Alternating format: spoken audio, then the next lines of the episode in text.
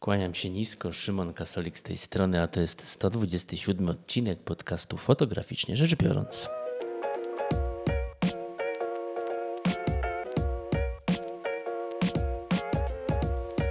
Dlaczego warto być jak karaluch w świecie fotografii? Jakie to są płaskie zdjęcia?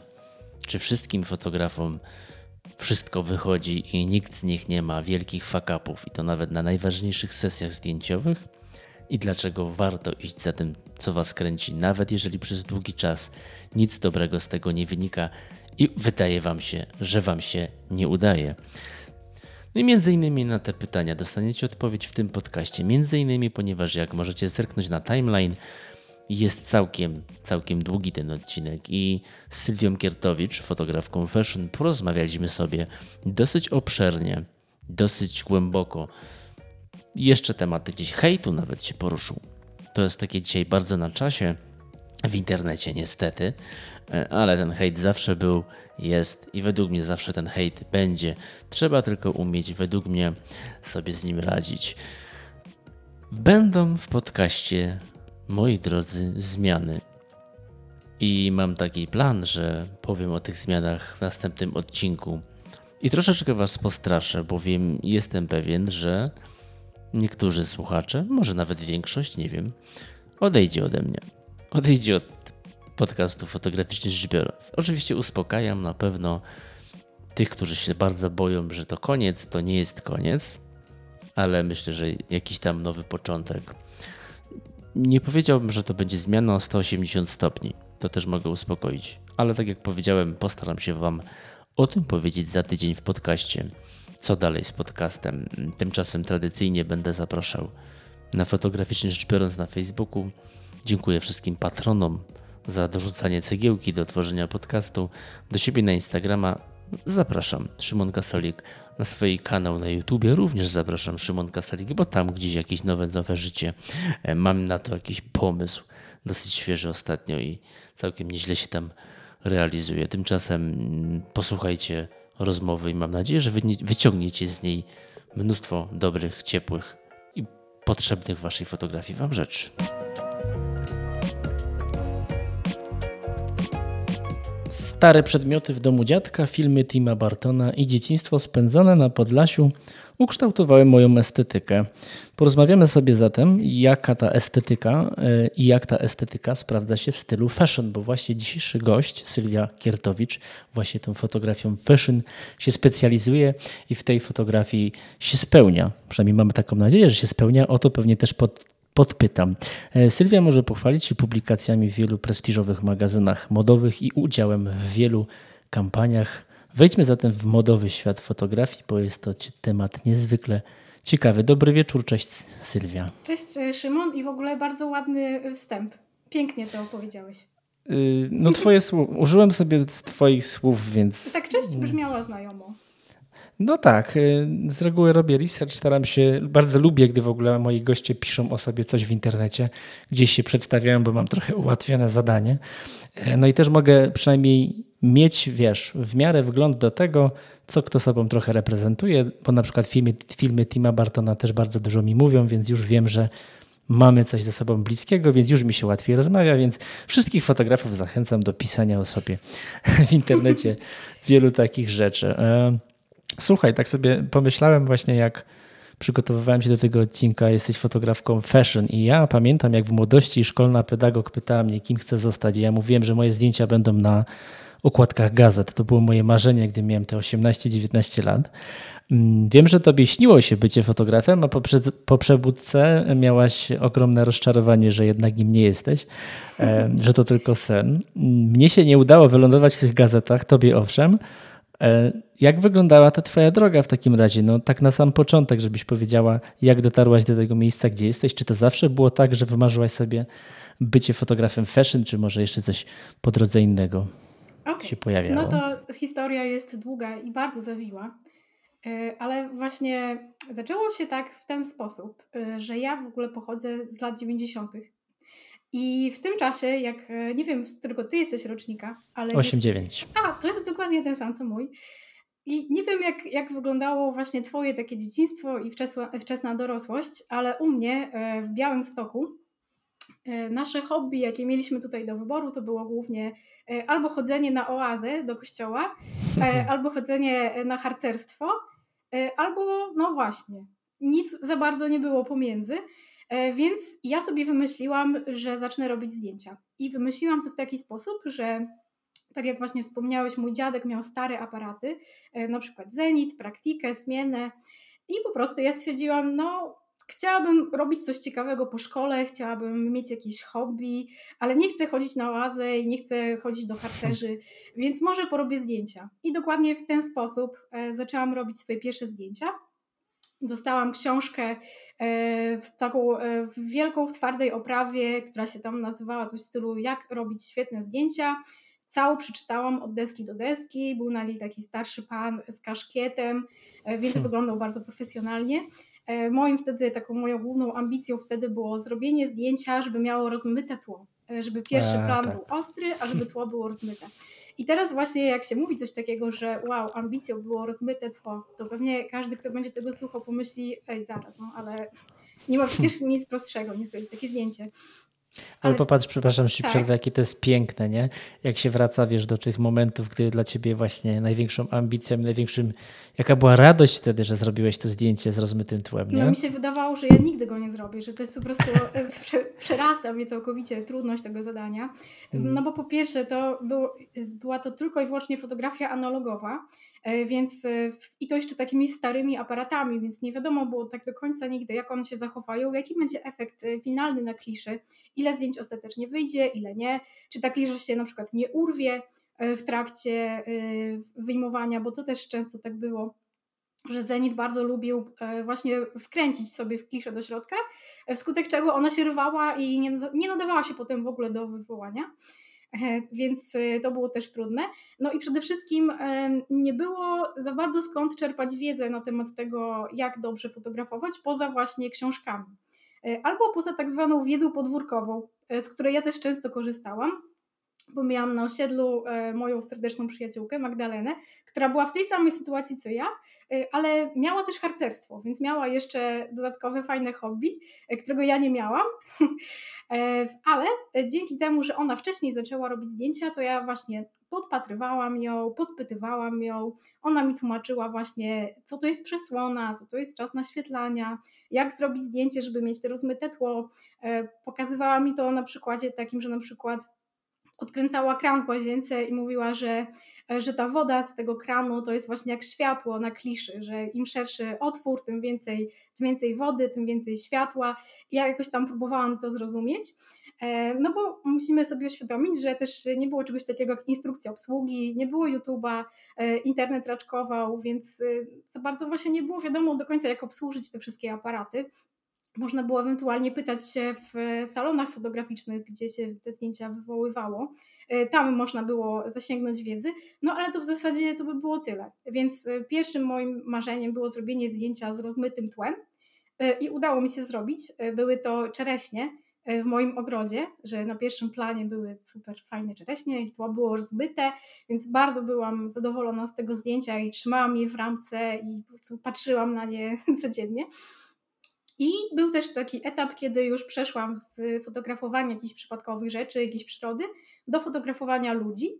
E, to były czasy mojego gimnazjum. E, po prostu nosiłam ze sobą aparat i robiłam takie po prostu portrety. E, nie były to jakieś takie bardzo wyszukane zdjęcia. Teraz byśmy powiedzieli, że w sumie bardziej reportażowe niż jakieś właśnie fashion. I co? To trwało parę lat. Była to fajna odskocznia po szkole, bo też w szkole było tak, że w sumie każdy w klasie e, był jakiś. Nie wiem, czy ty też tak wspominasz e, swoje szkolne czasy, że na przykład miałeś w klasie kogoś, kto, nie wiem, jest dobry z matematyki, albo kogoś, kto mm. ładnie pisze jakieś wiersze, opowiadania. Oczywiście, teksty. że tak. No właśnie. Pewnie. Kogoś, kto tam, nie wiem, zbiera stare monety, albo nie tak wiem, jest. coś w tym stylu, nie? I ja właśnie też, e, bardzo mi zależało na tym, żeby też jakoś się wyróżnić, żeby też być jakąś ale nie miałam szczególnych zdolności w żadnym przedmiocie, e, który był w szkole. E, więc też fajnie podpasowały mi te zdjęcia, bo mogłam przynajmniej też wyróżnić się tym, że po szkole robię fajne sesje, że mam e, piękne zdjęcia, że umiem to robić i w ogóle, że jestem fotografką. Więc z tego też w sumie niektóre osoby w szkole mnie kojarzyły i to było fajne, bo mogłam się tym podeprzeć, że jestem fotografem. Więc to, to była taka też fajna sprawa.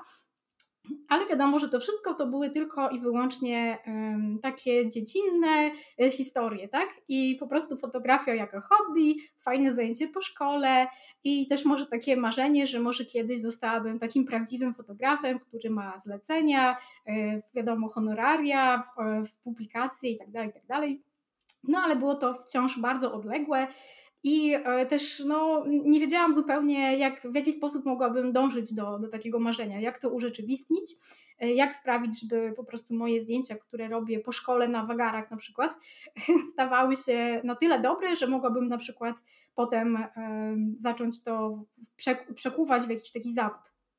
Więc e, trwa tutaj bardzo długi taki etap, w którym ja robię zdjęcia do szuflady i one nigdzie dalej nie trafiają, aż w końcu stwierdzam, że skończyłam już liceum, przydałoby się wybrać studia i raczej kierunki artystyczne to chyba nie jest najlepszy pomysł, żeby zapewnić sobie y, dobrą przyszłość, więc zdecydowałam, że e, pójdę na studia z psychologii.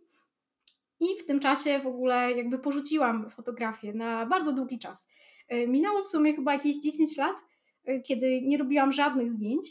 Gdzieś tam te moje marzenia o byciu fotografem zostały zupełnie gdzieś tam zepchnięte na bok i zaczęłam po prostu zajmować się takimi bardziej przyziemnymi rzeczami, bo chciałam mieć jakiś zawód, chciałam mieć wykształcenie, które da mi jakąś tam e, możliwości na rynku.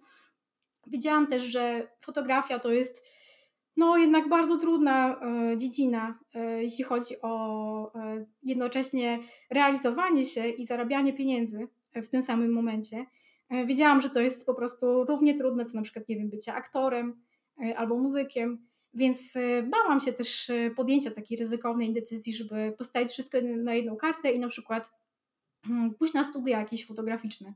Y, to było dla mnie zbyt jakieś takie, wiem, wydawało mi się zbyt ryzykowne. Stwierdziłam, że jednak no fajnie mieć takie hobby i tyle i po prostu hmm, chyba jednak nie warto stawiać tego wszystkiego na jedną kartę i może jednak lepiej mieć jakiś zawód. Ale okazało się, że to było bardzo złe myślenie i wiem to teraz, bo tak naprawdę moja kariera fotograficzna zaczęła się dopiero e, kiedy przekroczyłam 30 rok życia, co jest tak naprawdę dosyć późno, bo tutaj widząc e, innych fotografów modowych na rynku, to są często osoby, które są na przykład no, 10 lat powiedzmy młodsze ode mnie i wiem, że one mają przed sobą jednak dłuższy czas, e, kiedy jeszcze będą mogli realizować sesje niż ja, więc e, no, podsumowując, żałuję tego, że nie zaczęłam wcześniej po prostu realizować już tego konkretnego celu, a zamiast tego pracowałam na przykład w trzech innych zawodach. Ale no wiadomo, lepiej późno niż wcale. Amy Leibowitz ma teraz chyba 70, jakieś 3 lata i nadal robi zdjęcia modowe, więc mam nadzieję, że ja też będę tak długo robić zdjęcia. To byłoby świetne. Mm, ale wracając właśnie do mojej historii, taki moment, kamień milowy nastąpił w momencie, kiedy w mojej pracy pracowałam wtedy jako marketingowiec dla, dla firmy z, z, z Ameryki, z Nowego Jorku. Dostałam od nich polecenie, żeby tam przyjechać na miejscu, e, żeby po prostu e, popracować zdalnie tam z biura, właśnie nie zdalnie z Polski, tylko z biura e, w Nowym Jorku. Jakoś tak wtedy mnie oświeciło, że wow, mam taką możliwość polecieć do Nowego Jorku, gdzie po prostu każda ulica wygląda jak film, gdzie są super modelki, gdzie po prostu można wykręcić przepiękne zdjęcia i że jak ja teraz tego nie zrobię i nie zrealizuję tam żadnych zdjęć, to po prostu będę największym po prostu luzerem, jaki tylko istnieje na świecie. E, no i się bardzo zmobilizowałam. E, wzięłam właśnie tam e, swoją starą lustrzankę, wzięłam jakieś ubrania, które mi się wydały takie w miarę, które się nadają. Sobie oczywiście rozplanowałam, gdzie chciałabym zrobić te zdjęcia. Znalazłam na Instagramie modelkę byłam strasznie podekscytowana, po prostu myślałam, że się uduszę przez cały ten czas planowania tego, bo już tak bardzo chciałam zrobić te zdjęcia. Pamiętam, że w ogóle mm, pierwsze dni w Nowym Jorku widziałam nawet kilka sesji, które były w trakcie robienia i strasznie zazdrościłam tamtejszym fotografom, że oni już mają te aparaty w rękach, już robią te sesje. Ja też tak chciałam już wreszcie zacząć. I e, spotkałam się z ogromnymi w ogóle wtedy trudnościami. E, pierwsza trudność e, polegała na tym, że umówiłam się z modelką, wybrałam miejsce, czekałam na nią, a ona nie przyszła. I, i to było w ogóle takie naprawdę um, traumatyzujące doświadczenie, no bo byłam umówiona, byłam przygotowana, e, przeleciałam cały świat i jakby zorganizowałam sesję, która się nie odbyła. E, w tej modelce coś wypadło, ona nie mogła przyjść. Wiadomo też, że y, nie mogłam nawiązać jeszcze w tamtym czasie żadnej takiej profesjonalnej współpracy z agencją modelingową, bo nie miałam po prostu żadnego portfolio. Więc to się odbywało tylko na zasadzie y, takiej, że ja daję zdjęcia, a ktoś da mi trochę swojego czasu i popozuje. E, tak, więc to było załamujące dla mnie doświadczenie, że ta modelka nie przyszła. I wtedy przeżyłam depresję w Nowym Jorku, dosłownie. E, strasznie mi było wtedy smutno i no, to było naprawdę takie bardzo, bardzo przygnębiające. E, też pamiętam, że się wtedy w ogóle rozchorowałam, bo to był marzec, było wtedy bardzo zimno, bardzo wietrznie.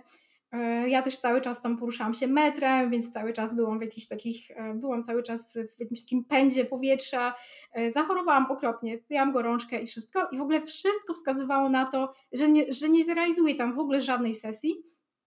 Ale tak w pewnym momencie stwierdziłam, że nie no, że ja po prostu muszę o to zawalczyć, bo nie wytrzymam. I dałam wtedy posta na Facebooku, na takiej grupie e, modelingowej dla e, właśnie osób z Nowego Jorku, że mam 50 dolarów, e, potrzebuję dwie godziny twojego czasu, jakby zgłoście do mnie na zdjęcia, nie? Coś w tym stylu.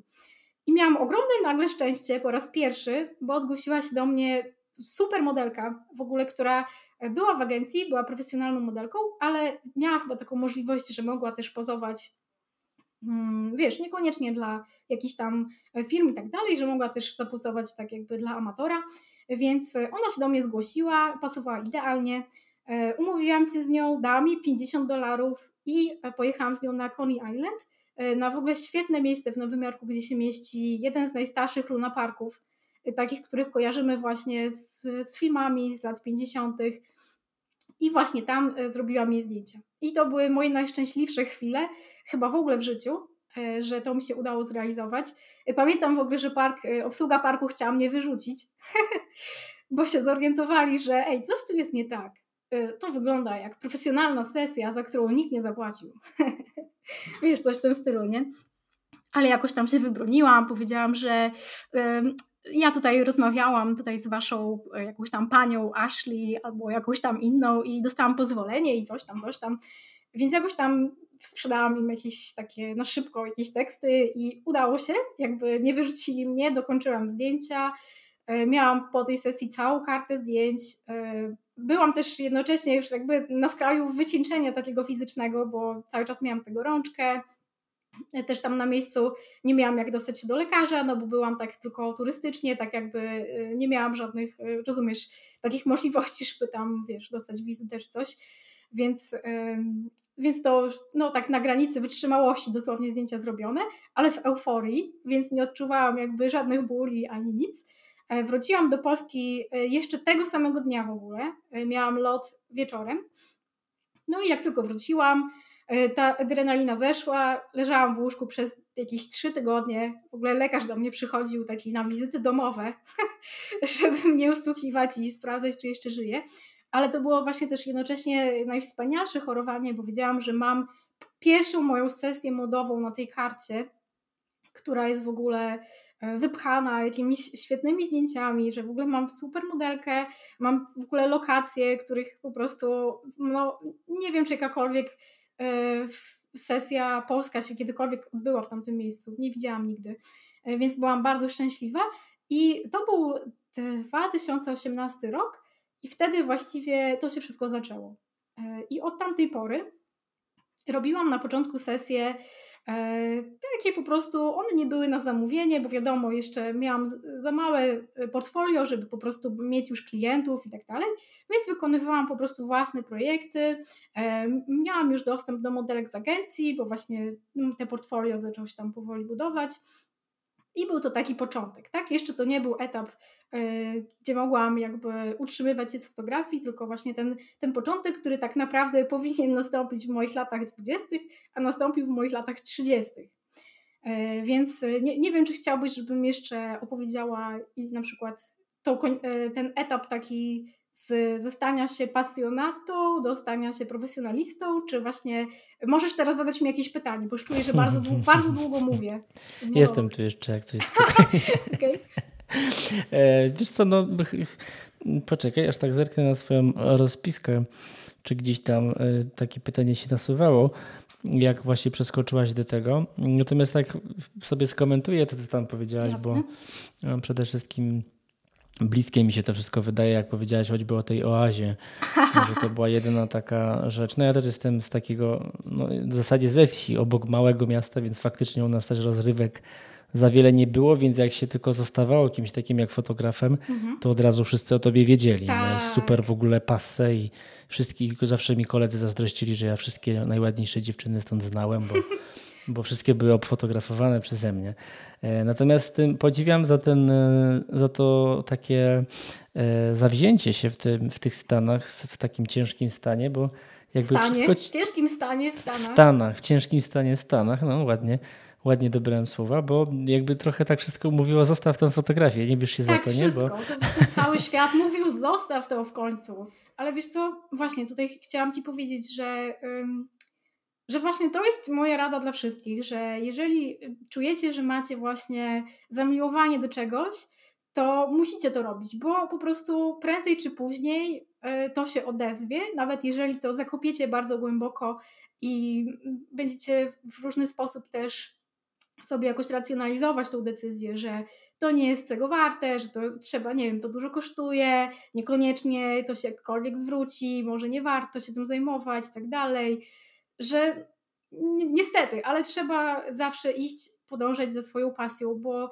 mój przykład pokazuje, że ja to odłożyłam na 10 lat, bo cały czas sobie właśnie e, mówiłam, że to jest zbyt jakby takie no, mało racjonalne w ogóle przedsięwzięcie i taki trochę dziwny pomysł, żeby pójść w tym kierunku, jakby kupić cały sprzęt i w ogóle to wszystko, czy to w ogóle ma sens, czy jak to w ogóle spiąć.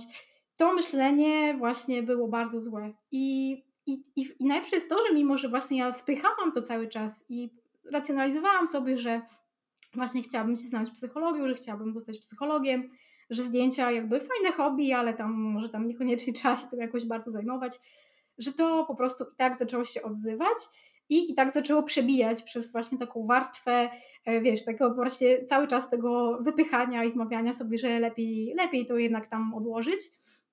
I e, z tego wyszła tylko frustracja tak naprawdę i bardzo duża strata czasu bo jednak koniec końców ta moja, y, właśnie ten mój pęd do, do fotografii i tak się odezwał y, i też to mnie tak dusiło w ogóle przez cały ten czas, jak nie robiłam tych zdjęć. To gdzieś tam było w mojej podświadomości, że porzuciłam tą swoją pasję, że już jej nie mam i to do mnie na przykład wracało w taki sposób, to jest w ogóle ciekawe, że czasami mi się śniło, że robię zdjęcia i miałam takie, wiesz, bardzo takie um, żywe sny, że mam w rękach aparat, że stoi przede mną modelka i że robię jej zdjęcia. I śnił mi się taki piękny sen, a potem się budziłam i orientowałam się, że ej, to mi się tylko śniło, nie robisz zdjęć, nie jesteś w ogóle fotografem, yy, jakby nie macie tam. Także takie, takie moje małe, mm, moralizująca mała wstawka, że, że naprawdę trzeba podążać ze swoimi pasjami, bo jak tego nie robimy, to po prostu tylko i wyłącznie wyrządzamy jakby sobie krzywdę. Śmiesznie, że już wystrzeliłaś mi tutaj z poradą, bo zazwyczaj pytam o nią na końcu, ale to najwyżej przygotuj sobie drugą, albo, albo przeniesiemy ją a powiedz, tak jestem ciekaw odnośnie tego, jak mówisz, że by podążać za swoją pasją, że trzeba robić to, co się lubi. W 100% się zgadzam. Natomiast jestem ciekaw, czy według Ciebie powinno się iść za jedną pasją, czy możliwe jest to, że kręcić kilka rzeczy? Tak mówię na swoim przykładzie, bo fotografia jest jedną z moich pasji. Ja lub, no, lubię prowadzić też ten podcast, który też jest zajmujący. Lubię kręcić filmy. Mój zawód to jeszcze co zupełnie coś innego.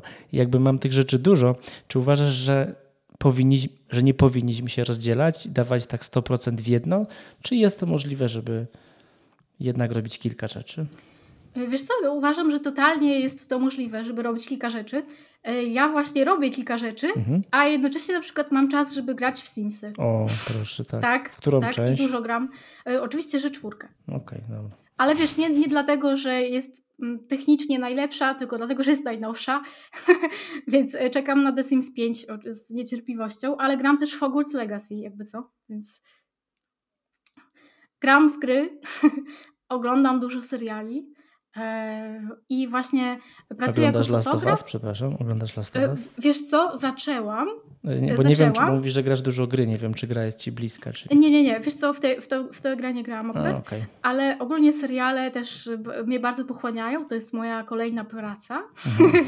bo ja ich tyle oglądam, że po prostu, jest, jest już, po prostu powinnam dostać etat jakiś w Netflixie czy coś, mhm. wiesz, tester seriali, nie? Okay. To by był dla mnie wymarzony zawód. Także tak, ja właśnie robię też kilka rzeczy jednocześnie, bo też um, ogólnie moja działalność to jest bardziej takie jakby studio kreatywne, bo zajmuję się też e, marketingiem internetowym jednocześnie, więc jakby to są e, takie różne gałęzie, ale jednak zdjęcia są takim spoiwem. Więc e, tym bardziej trzeba robić właśnie jednocześnie kilka rzeczy, że no właśnie, to jest kolejna sprawa, że zawody artystyczne, tak, jeżeli ktoś właśnie myśli, że mm, fotografia modowa to jest taki zawód, w którym robię zdjęcia dla supermarek modowych, robię przepiękne kampanie e, w różnych super miejscach na świecie z najlepszymi modelkami i na tym tylko polega moja praca, no to niestety to jest nieprawda. E, być może kilka osób w, w Polsce ma taką, taką pracę, kilka, to tak dosłownie na, na palcach jednej ręki, ale realia są takie, że nie da się jakby samą e, sztuką i samą jakby artystyczną kreacją e, jakby rozumiesz, nie? E, mhm. Utrzymywać się, tak? No tak. Tym, więc, więc jednocześnie trzeba robić kilka rzeczy. Jeśli chce się być fotografem modowym, który zajmuje się też właśnie tym, co ja. Więc tak, ja, ja to polecam. Polecam mieć kilka E, kilka zainteresowań, kilka też źródeł e, utrzymania się w tym zawodzie, bo jednak też fotografia mody to jest zawód sezonowy mocno. E, kolekcje wychodzą wiosna, lat, na wiosna, lato, więc je robimy na przykład w kwietniu, w maju. I potem kolekcje wychodzą jesień, zima. Zdjęcia robimy na przykład we wrześniu, w sierpniu, czasami na początku października. I mm, tak naprawdę okres zimowy od listopada do, do końca lutego to jest bardzo martwy okres w ogóle w fotografii modowej. Więc y, tutaj siłą, siłą rzeczy trzeba mieć te dodatkowe jakieś zajęcia, y, żeby po prostu móc jakoś tam y, przetrwać ten czas. Okej. Okay. Mieliśmy też powiedzieć o tym, jak to się stało, że z takiego czystego fotografowania, czysto hobbystycznego doszło do tego, że jednak Twoje zdjęcia pojawiają się w wielu modowych gazetach. Robisz editoriale, robisz kampanie. Jak to się stało? E, super pytanie. Wiesz co, na początku może tak porozmawiajmy o kampaniach. E, to dzieje się w taki sposób, że tak naprawdę nie ma tutaj za bardzo takiej drogi na skróty. E, trzeba zbudować swoje portfolio, moje tak naprawdę jest cały czas w budowie, bo już na przykład zdjęcia, które widzę, które robiłam rok temu, już dostrzegam na nich milion błędów i po prostu najchętniej bym pokazywała tylko naj, ostatnie sesje dosłownie, e, bo widzimy cały czas ten swój samorozwój, więc proces budowania portfolio trwa latami, niestety. E, no i trzeba się uzbroić w cierpliwość. Pamiętam, że moje pierwsze kampanie modowe to właśnie też słowo kampania tak, tak brzmi, że to jest coś wielkiego, prawda? E, ale te moje pierwsze kampanie, bardziej sesje modowe, były dla marek, których ubrania tak naprawdę na przykład w ogóle mi się nie podobały, nie? Że to był jakiś projektant, ale na przykład były to bardzo biurowe y, ciuchy dla kobiet, y, właśnie, które muszą jakby no, wyglądać tak mega elegancko, biurowo, oficjalnie. I to na przykład kompletnie nie jest moja bajka, jeśli chodzi o moją estetykę ale mimo to, no wiadomo, nie, nie, nie można wybrzydzać, zwłaszcza na początku. E, trzeba przyjmować e, zlecenia. I zaczęło się właśnie od takich zleceń, że mm, ktoś na przykład zaczepił mnie na Instagramie, zapytał e, o zdjęcia dla swojej marki. Ja się zgadzałam, robiłam te zdjęcia, potem właśnie czasami je publikowałam, a czasami nie, bo niekoniecznie też właśnie były, wiesz, w mojej estetyce, bo wiadomo, że nie były to jakieś wymarzone moje marki modowe, tylko jakieś mniej, mniejsi projektanci, którzy potrzebowali po prostu zdjęć. Więc to tak naprawdę było e, drobnymi kroczkami. E, I im większe jest to nasze portfolio, tym, tym bardziej możemy zainteresować ciekawsze marki, tak? te, które nam wydają się e, bardziej atrakcyjne i które są też większe, które mają budżet na to, żeby taką kampanię sfinansować. Więc ja po prostu bardzo małymi krokami właśnie docierałam do tego, żeby, żeby te firmy po prostu zaczęły moją ofertę traktować jakoś tam poważnie. I właśnie teraz jest taka, taki moment w sumie taki dosyć przełomowy dla mnie, bo pamiętam, że wtedy jak jechałam do Nowego Jorku e, i te moje portfolio było no, prawie żadne, Pamiętam, że zrobiłam wypożyczenie w firmie, e, w takiej, w jednej polskiej modowej firmie. Wypożyczyłam od nich sukienkę, e, żeby sobie zrobić z nią zdjęcia. I moim marzeniem zawsze było dla nich zrobić kampanię. I w ogóle sam, sam, fakt, że mi wypożyczyli tę sukienkę, to już tak się super, mega czułam, że ale ekstra, że mi dali się tą sukienkę, super. Zrobiłam zdjęcia. E, zdjęcia im się podobały, ale jakby od razu powiedzieli jasno, że my mamy swoich fotografów, mamy swój team. Raczej nie ma możliwości, żebyśmy wzięli sobie kogoś z zewnątrz, żeby robił nam zdjęcia e, do naszych nowych kolekcji i tak dalej. A właśnie miałam taką sytuację, że E, kilka dni temu e, wysłałam tej samej mar- tej właśnie marce swoje, swoje portfolio, swoją ofertę i, i dostałam odpowiedź twierdzącą, więc, więc jakby to jest taki no, dla mnie przełomowy moment, że, że te 4-5 lat temu ta firma w ogóle nawet nie chciała za bardzo ze mną gadać, tylko zrobili mi to wypożyczenie, ale w ogóle nie było mowy, żeby robić im jakiekolwiek zdjęcia. No a w tym momencie jakby już jestem na etapie dogadywania z nimi naszej sesji więc, e, więc jakby no, to pokazuje, że właśnie e, ta wytrwałość jest najważniejsza, że trzeba po prostu cisnąć, robić te sesje, e, przyjmować na początku zlecenia, które nie są dla nas jakieś ekstra, ale jednak nas rozwijają, bo też to uczy pracy z klientem, pracy z modelką. To jest bardzo ważne, więc nie wolno wybrzydzać. To jest właśnie ważne na początku. Trzeba przyjmować zlecenia i trzeba po prostu ćwiczyć swoje rzemiosło i, i budować bardzo no, nieustannie, cierpliwie budować te portfolio, bo to jest też taka rzecz, którą ja widzę w ogóle w wielu artystycznych zawodach, e, też na przykład wśród aktorów. Ostatnio sobie robiłam taką, e, taką analizę, że wielu z, z, popularnych aktorów w Hollywood e, jakby wypłynęła powiedzmy dopiero mm, w ciągu ostatnich lat, a w aktorstwie są na przykład od dziecka i grają w filmach od dziecka. Możemy zobaczyć ich filmy, kiedy byli nastolatkami, kiedy byli tam w, młodymi dorosłymi, a na przykład dopiero niedawno ze sprawą jakiejś roli ktoś o nich w ogóle usłyszał i nagle mhm. są gwiazdami, a mają ze sobą na przykład 20 lat pracy jako to aktor. Prawda. I właśnie podobnie jest w fotografii. E, jak na przykład idziemy sobie e, galerią i widzimy na przykład zdjęcie w Zarze, nie? że wow, jakieś fajne zdjęcie i myślimy, no fajne zdjęcie, przyszedł fotograf, stryknął i teraz wisi w sklepie. A potem na przykład dowiadujemy się, że to zdjęcie zrobił e, fotograf, który na przykład jest w branży od na przykład 50 lat i, i jest na przykład gwiazdą fotografii, bo, no, bo tak jest bardzo często. Więc ważna jest ta cierpliwość, żeby pomimo wszystko jednak pomałymi krokami te swoje portfolio budować, bo to jest jeden z, jakby z tych zawodów, gdzie e, nie wystarczy po prostu, wiesz, powiedzieć, że mam na przykład 5 lat doświadczenia jako fotograf, to nic nie znaczy. E, ważne jest właśnie, jak wygląda Twoje portfolio, czy się cały czas uczysz, czy się cały czas rozwijasz, czy jesteś obeznany w trendach, które są aktualnie, Także moja odpowiedź jest po prostu taka, że zaczęłam od najsłabszych zleceń, od zleceń dla projektantów, których po prostu um, ubrania nie podobały mi się osobiście, których nie czułam za bardzo, tak? To nie była moja estetyka, ale brałam te małe zlecenia, e, a z czasem zaczęłam dostawać po prostu lepsze, bo budowałam cały czas portfolio i jednocześnie właśnie skupiałam się na tym, żeby powstawały edytoriale, czyli sesje dla magazynów i tutaj możemy przejść właśnie od razu do edytoriali. E, I e, ciekawostką jest fakt, że tak mniej więcej 90% edytoriali, które są w magazynach, to są inicjatywy e, kompletnie pro bono. I wszyscy zawsze są w szoku, jak o tym mówię, na przykład na swoich szkoleniach, że jak weźmiecie sobie do ręki jakąś gazetę, jakiś magazyn, to w wielu przypadkach okazuje się, że, że po prostu wszyscy, którzy byli, brali udział w tej sesji, która tam jest w środku, nie dostali w ogóle żadnego wynagrodzenia za te zdjęcia. I taka jest zasada ogólna, że jakby publikacja papierowa to jest e, prestiżowa nagroda dla e, osób, które jakby biorą udział w sesji, natomiast ona nie jakby no, nie jest opłacalna finansowo, że tak powiem.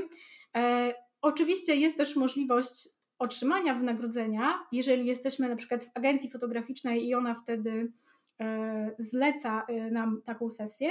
E, natomiast to wciąż są o wiele mniejsze kwoty niż te, które się dostaje pracując jako fotograf przy kampaniach, przy lookbookach, przy zdjęciach e-commerce. To są stawki E, te, które właśnie dostają fotografowie modowi, którzy jakby są w stanie dostać w ogóle jakąkolwiek stawkę za, za edytorial, to wciąż są stawki symboliczne. Więc e, trzeba od razu to wiedzieć, że, że właśnie edytoriale to jest super sprawa, bo to jest e, artystyczna wolność, bo można sobie zrobić dowolny projekt i e, są szanse na to, że on zostanie opublikowany, ale to jakby nie płaci rachunków. To jest jakby czysto hobbystyczna jakby sytuacja. A u mnie to wyglądało po prostu tak, i to też jest, to też jest w ogóle szok dla wszystkich, jak o tym mówię, że większość edytoriali, które y, oglądamy w magazynach na całym świecie, y, nie są w ogóle zamawiane, tylko po prostu są przesłane od fotografów do redakcji. Y, redaktorzy magazynów dostają codziennie, no zakładam, że bardzo wiele wiadomości od fotografów, w których są ich sesje i bardzo często po prostu wybierają sobie e, te zdjęcia i je publikują. Tak właśnie było u mnie, tak było z moimi edytorialami w magazynach Glamour, Elle, Cosmopolitan, L'Officiel, właśnie na tej zasadzie. E, generalnie tylko kilka edycji e, i mm, tych z najważniejszych, na przykład amerykańskie, włoskie, francuskie, brytyjskie, takie edycje zamawiają sesje, mogą sobie pozwolić na to, żeby je e, opłacić e, i to są sesje na zamówienie. Natomiast generalnie tutaj jest szansa dla wszystkich fotografów, bo we wszystkich mniejszych edycjach jest bardzo duża możliwość mm, opublikowania swoich zdjęć. Wiadomo, muszą one spełniać pewne standardy, zwłaszcza pod względem stylizacji, która no najlepiej, żeby e, ubrania były z najnowszych kolekcji, żeby były wypożyczone, żeby to nie były ubrania z sieciówek, tylko żeby były od projektantów. Wtedy zwiększamy swoje możliwości. E, no i właśnie, jeżeli stworzymy ciekawą sesję, która się czymś wyróżnia, e, która jest ładnie wystylizowana, jest naprawdę bardzo duża szansa, że ona dostanie tą publikację. Także tutaj e, tym się zajmowałam przez właśnie te pierwsze e, lata jako fotograf mody. Zdobywałam swoje publikacje po to, żeby móc się po prostu też nimi jakoś podeprzeć w oczach moich przyszłych klientów. Bo właśnie jeżeli mm, mamy fajne publikacje w portfolio, to też nam jest łatwiej pozyskać współpracę z markami odzieżowymi, bo po prostu możemy się na to powołać, że zostałam opublikowana tutaj i tutaj, e, chętnie zrobię też Wam e, super sesję i w portfolio też fajnie to wygląda, jak mamy i kampanie, i edytoriale. Ogólnie fajnie to wygląda, jak fotograf modowy właśnie oprócz tych komercyjnych rzeczy, tak, oprócz kampanii ma też swoje projekty, albo właśnie edytoriale, albo swoje własne, bo tam po prostu jest ta wolność artystyczna. Mm, dlatego, że wiesz, jak robimy sesję dla klienta, dla marki odzieżowej, no to wartość artystyczna w większości przypadków nie jest pożądana u klienta. Raczej najważniejsze jest to, żeby bardzo dobrze pokazać produkt, e, żeby on wyglądał na tyle dobrze, żeby inne osoby chciały go kupić po zobaczeniu tego zdjęcia. A to, czy zdjęcie będzie artystycznie przepiękne, jakby no, w większości przypadków nie jest istotne dla klienta, więc tutaj też. Mm, musimy też e, myśleć o tym właśnie, czy będziemy mieć satysfakcję jako fotograf, jeżeli będziemy cały czas robić e, komercyjne projekty. No bo tutaj jednak skupiamy się na, e, no rozumiesz, nie na tej artystycznej mhm. wartości, tylko na tej sprzedażowej. No jasne. Tak się zatrzymałbym przy tym, jak mówiłaś o tym, o aktorach, którzy właśnie wybijają się dziś dopiero po 20-30 latach. I też sobie tak pomyślałem, że super ważne i istotne jest też to, żeby lubić też to, co się robi, nie? Bo faktycznie jest tak, że niektórzy nawet aktorzy moim zdaniem przez całą swoją karierę się nie wybiją jakoś super mocno, To zależy od wielu rzeczy, moim zdaniem, choćby od szczęścia, czy od tego, że dostaną po prostu rolę, która okaże się przełomowa.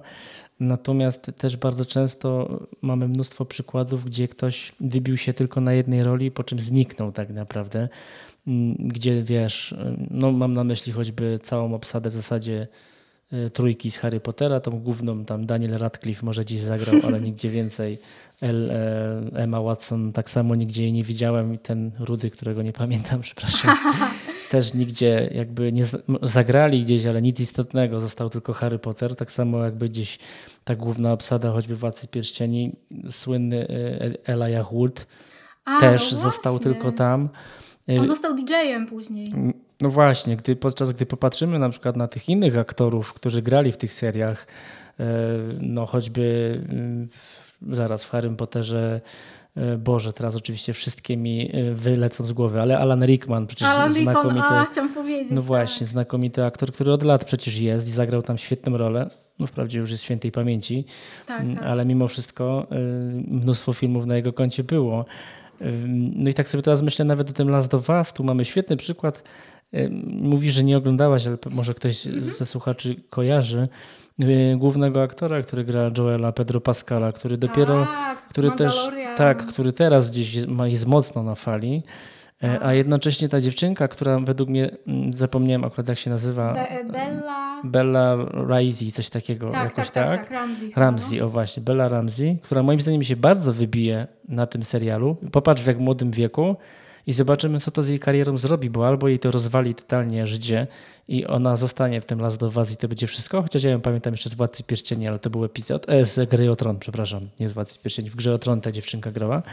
Mm, chwileczkę. I, i zobaczymy, co to zrobi, bo to fajne mamy zestawienie właśnie Pedro Pascala, który przecież od lat jest aktorem, a dopiero teraz jest na fali gdzieś po tej 40, bo chyba jest gdzieś w takim wieku.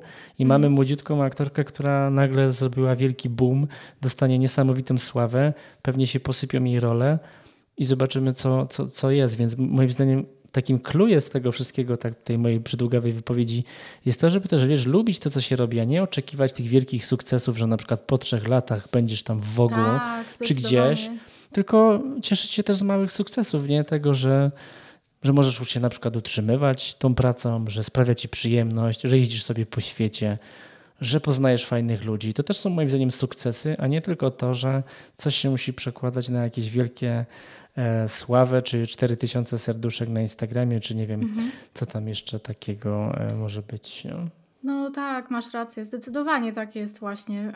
Ja na przykład widzę to też po e, fotografach na moich szkoleniach, bo też z Nikonem robię szkolenia z fotografii modowej mhm. i jest zawsze tak samo, że modelka wchodzi na plan i oni po prostu nie mogą się odkleić od tej modelki, że ona już tam ledwo żyje i zastanawiam się, czy zaraz nie zemdleje, a oni po prostu chcą zrobić jeszcze jedno zdjęcie, jeszcze jedno zdjęcie, jeszcze jedno zdjęcie. I to jest właśnie ta, to jest to samo właśnie, co, e, co jest też u mnie, że właśnie te osoby, które mają pasję do, do robienia zdjęć, ja po nich to widzę, że e, po prostu jak się zaczyna robić zdjęcia, to jakby czas się zatrzymuje. I właśnie, i nie odczuwasz za bardzo zmęczenia, nie, nie odczuwasz, że ten czas upływa. Dla wszystkich innych działa tak samo i na przykład modelka ledwo dyszy i po prostu, wiesz, jest wykończona, a fotograf po prostu jest na fali i, wiesz, cały się pali do tego, żeby jeszcze jedno zdjęcie, jeszcze jedno zdjęcie, wiesz o co chodzi, nie? Więc y, ja to widzę to samo właśnie u tych fotografów, y, których szkole, że oni mają też ten, wiesz, ten pęd do tego i nienawidzą momentu, kiedy już muszę powiedzieć, no niestety koniec, no modelka musi odpocząć, a oni, o nie, chcieliśmy zrobić więcej zdjęć, wiesz o co chodzi, nie? Więc, więc no to jest bardzo istotne. I ja mam w sumie to samo, właśnie, że tylko muszę mieć po prostu tą sesję tak w miarę przygotowaną, żeby ona była w miarę w mojej estetyce, no bo wiadomo, robienie zdjęć typu Wiesz, wyobraź sobie na przykład fotograf, który robi zdjęcia e-commerce, na przykład do, do sklepu typu, wiesz, Zara, no to, to jest ciężka praca, bo tam stoi się 10 godzin na białym tle e, z modelkami i po prostu pstryka się hurtem jak największą ilość zdjęć i patrzy się głównie na to, żeby one były technicznie dobre, żeby dobrze leżało ubranie i tak dalej, no to rozumiem, że tam trudno jest odnaleźć taką pasję, E, ale no, jak mamy kampanię i, i mamy coś, co chociaż trochę nam się podoba, to myślę, że to jest bardzo łatwe, żeby popłynąć i żeby się tym bardzo tak jakby, wiesz, zajarać. E, tym bardziej, że właśnie no jest takie u mnie przynajmniej takie, wiesz, takie coś we mnie, że ja tak naprawdę mogłabym w ogóle nawet nie dostałaś pieniędzy za to, y, że ja robię te zdjęcia, bo y, wiesz, to jest dla mnie tak satysfakcjonujące, że mogę wykonać sesję, która po prostu, wiesz, jest tak zaplanowana, że mi się to podoba i w ogóle, że ja mam ochotę tej firmie zapłacić. No to jest takie, wiesz, podśmiechujki oczywiście, wiadomo, że, że praca wymaga wynagrodzenia zawsze i że nie można robić zdjęć za darmo, e, bo to działa bardzo niekorzystnie i psuje rynek, ale wciąż, no jak mamy te pasje, to myślę, że wiesz zresztą sam jak to jest, nie? Sam jesteś fotografem, więc więc to prawda. rozumiesz, o co, mi, o co mam na myśli, kiedy to mówię. Tak, tak. Coś mi się, coś mi się kojarzy. Natomiast y, chciałbym też poruszyć tą taką fajną rzecz, znaczy fajną i fajną, bo kiedy widzimy czyjeś portfolio, to nam się często wydaje, że jakiś fotograf jest bezbłędny, że jest idealny, że jemu to wszystko wychodzi, a mnie nic. Mhm. No prawda jest jednak taka, że każdemu z nas przecież nie wychodzi. Nie chciałbym, żebyś mówiła o nie wiadomo tutaj czym, natomiast czy ty się możesz podzielić jakimś fakapem w swojej karierze? Jakąś taką słabością, z której oczywiście wybrnęłaś, ale gdzieś, gdzie ona się po prostu zdarzyła i wiesz, i, i to nie był koniec świata, ale okazało wow, się, że... Świetne pytanie, no, świetne pytanie. E, super. Mam takich fakapów miliard, nie milion, ja mam ich miliard. Okay. Miliard, mhm. nieskończoną ilość i to jest kompletnie normalna sprawa. Y, naj, najciekawszy fakap, który mogę zaprezentować, jest, jest chyba taki. E, dwa mam takie. Jeden jest taki, że mm, jestem umówiona e, z, tutaj z klientem na sesję, wynajmujemy piękny pałac, e, mam super modelkę, fajne stylizacje, robię pierwsze zdjęcie i po prostu w jakimś dziwnym zbiegiem okoliczności aparat mi wypada z ręki, uderza o podłogę i się roztrzaskuje. to jest w ogóle najlepszy, chyba jedna z moich najlepszych historii, e, że nie wiem jak ja to wtedy zrobiłam, ale upuściłam aparat, e, no i on jakby po tym upadku był już absolutnie niezdatny e, do, ani do naprawy, ani do dalszej pracy, to już w ogóle można zapomnieć, więc oto stoję sobie właśnie z, z aparatem na podłodze, a wszyscy na mnie patrzą. Y, klient, który tam był, y, stylista, wizerzysta, modelka, y, asystent i patrzą na mnie, ja patrzę na nich, patrzę na ten aparat, już wiem, że nic z tego nie będzie, bo on jest już na pewno jakby do kosza. I co teraz, nie? To z jakiej tego A... wysokości spuściłaś? Przepraszam A, bardzo. Wiesz, wiesz co, mm, z wysokości takiej powiedzmy Mm, powyżej metra trochę. Okej, okay, czy aż tak roztrzaskał? Tak, tak. No właśnie aż tak się roztrzaskał. Uszkodziło się lustro, Ojej. uszkodziło się tam no, dużo rzeczy w środku. To był Nikon? To był Nikon, A, to wszystko tak? jasne. Żartuję. Team Canon. E, żartuję, pozdrawiam Nikon ale, i Nikon. Ale wiesz co, co ciekawe? Obiektyw ocalał. Byłam pewna, że, że obiektyw na pewno będzie do wywalenia, a body ocaleje, ale było odwrotnie. Obiektyw o dziwo ocalał. Szok. Natomiast body kompletnie do kosza. E, I w tej sytuacji no, to było naprawdę beznadziejne, bo też ten e, pałac był wynajęty na godzinę e, i był mniej więcej godzinę od Warszawy, więc nie dało się z tym za bardzo nic zrobić, ale no, stwierdziłam, że po prostu muszę jak najszybciej pojechać do najbliższej wypożyczalni i wypożyczyć cokolwiek, co oni mają. Więc to, to zajęło chyba pół, półtorej godziny, żeby tam pojechać i wrócić. E, moja e, asystentka, e, właśnie, która mnie tam wiozła do tej wypożyczalni, zrobiła w ogóle manewr na drodze, za który powinna pójść do więzienia. Bo dosłownie obróciła samochód o, wiesz, o nie wiem, 360 stopni na drodze. To była w ogóle, to był jakiś kosmos w ogóle, żeby to odratować. Ja wracałam w końcu z wypożyczonym kanonem, kompletnie nie mój system, nie wiedziałam w ogóle co, o co w nim chodzi. E, wracałam z nim na sesję, musiałam się nauczyć jego obsługi w trakcie drogi, w samochodzie, e, więc to było kompletne wariactwo. E, a najlepsze jest to, że, że to był drugi z rzędu mój taki właśnie fuck up z tą firmą, bo wcześniej też robiłam dla nich kampanię, rok wcześniej i na tą kampanię spóźniłam się trzy godziny dlatego że jechałam pociągiem i no niestety wydarzył się wypadek na torach, więc zostałam unieruchomiona gdzieś tam w polu i dojeżdżałam e, do Warszawy taksówką w ogóle. Więc y, gdzieś tam, wiesz, taksówką za 700 zł, nie? to są tak, taka sytuacja, więc miałam z nimi dwa razy taką sytuację. E, nie wiem, miałyśmy sytuację też taką, że robiłam sesję we Włoszech e, na jakiejś dzikiej plaży. E, w trakcie dojeżdżania do niej, po którejś tam godzinie, zorientowaliśmy się, że zapomnieliśmy tam chyba połowy ubrań w ogóle, które zostały w hotelu. Musieliśmy po to wracać, kiedy już w ogóle no to nie było czasu. No tak naprawdę te fakapy są cały czas, umówmy się, one są cały czas. E, zwłaszcza, że nie jesteśmy w stanie zapanować nad wszystkimi jakby um, okolicznościami, wszystkimi e, jakimiś tam, wiesz, zewnętrznymi czynnikami, no chyba, że no, ktoś dysponuje, wiesz, jakimś ogromnym zespołem ludzi, nie, którzy jakby i wiesz, też jakimś, nie wiem, oświetleniem, który też jest, y, które jest niezawodne, imituje światło słoneczne idealnie albo coś takiego, albo nie wiem, masz rozganiacz chmur na przykład, e, Słyszałam, że jest coś takiego też, że możesz zmienić pogodę wtedy, ale no wiadomo, w takich zwykłych warunkach no to jest masa fakapów, zawsze, no, zawsze. Yy, dlatego, że no, na przykład pierwsza sprawa, ja najczęściej fotografuję z światłem zastanym, yy, nie umiem się cały czas przekonać do światła studyjnego, bo jakoś to nie jest po prostu moja bajka. Mogę zrobić takie zdjęcia, ale to nie jest jakby, wiesz, mój klimat. Yy, zawsze staram się korzystać ze światła dziennego, no i to też jest zawsze niespodzianka, bo pogoda jest nieprzewidywalna. Zdarza się tak, że są sesje plenerowe, na której nagle zaczyna padać deszcz, bardzo często jest tak, że umawiamy sesję na przykład latem i chcemy zrobić bardzo wakacyjny klimat, żeby zdjęcia były bardzo słoneczne, takie naprawdę super ciepłe, a jest na przykład pełne zachmurzenie i wiszą czarne chmury na niebie. Normalna sprawa. Y, zawsze może być tak, że nie wiem, ktoś jest na sesji, akurat to nie jest dzień tej osoby. Na przykład modelka ma trochę gorszy dzień, y, też tam nie ma aż takiego polotu w tym pozowaniu. Mhm. To się zdarza cały czas. E, ale na szczęście jest Photoshop, w którym hmm. korygujemy te wszystkie rzeczy i no tak. który jest w stanie nas uratować na koniec. Jasne. No właśnie, dlatego słuchacze proszę pamiętać po prostu o tym, że to jest absolutnie każdemu się czasem coś nie udaje, nie wychodzi, albo można być nawet tak potężny up jak, jak Sylwia. Ja myślałem, że, że wiesz, takie leciutkie rzeczy powiesz, a to wywaliłaś nie. grubą armatę.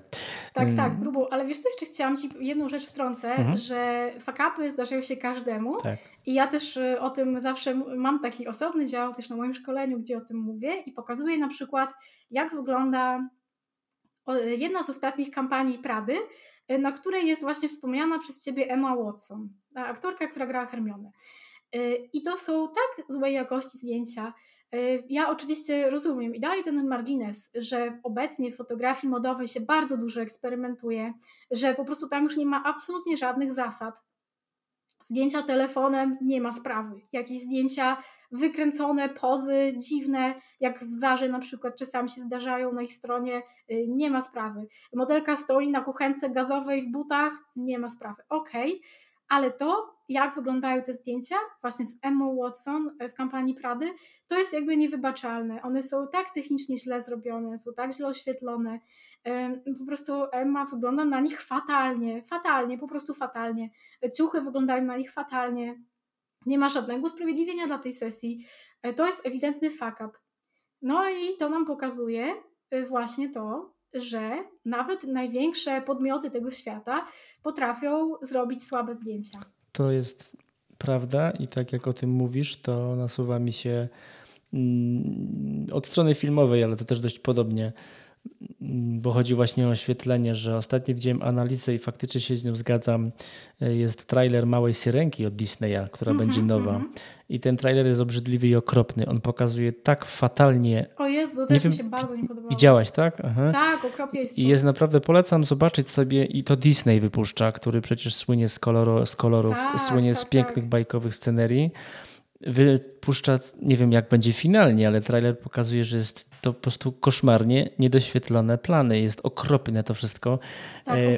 I tam są podstawowe błędy, że wzrok przykuwa na przykład jakaś koszula bohatera, bądź jakiś jasny, jasny punkt w tle, który absolutnie nie powinien być, mm, powinna zawsze przykuwać jakby postać główna, jeżeli jest akurat taka Mhm. scena.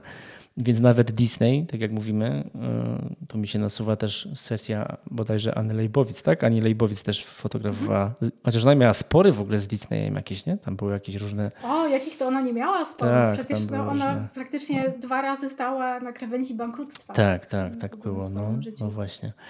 Ym, A to nie mówiłaś, że chciałaś być jak An- Anna Lejbowic? Nie? A, bo wiesz co, bo właśnie tak, y, podziwiam to, że ona no, jest po 70, Mhm. a cały czas jest aktywna zawodowo, jest aktywna jako artystka, więc to jest dopiero niesamowite, móc być aktywnym artystą przez tyle lat, co ona jest, prawda? Od młodości Ona już jest taka do stara. Ona już jest taka stara, ta pani? Jesus.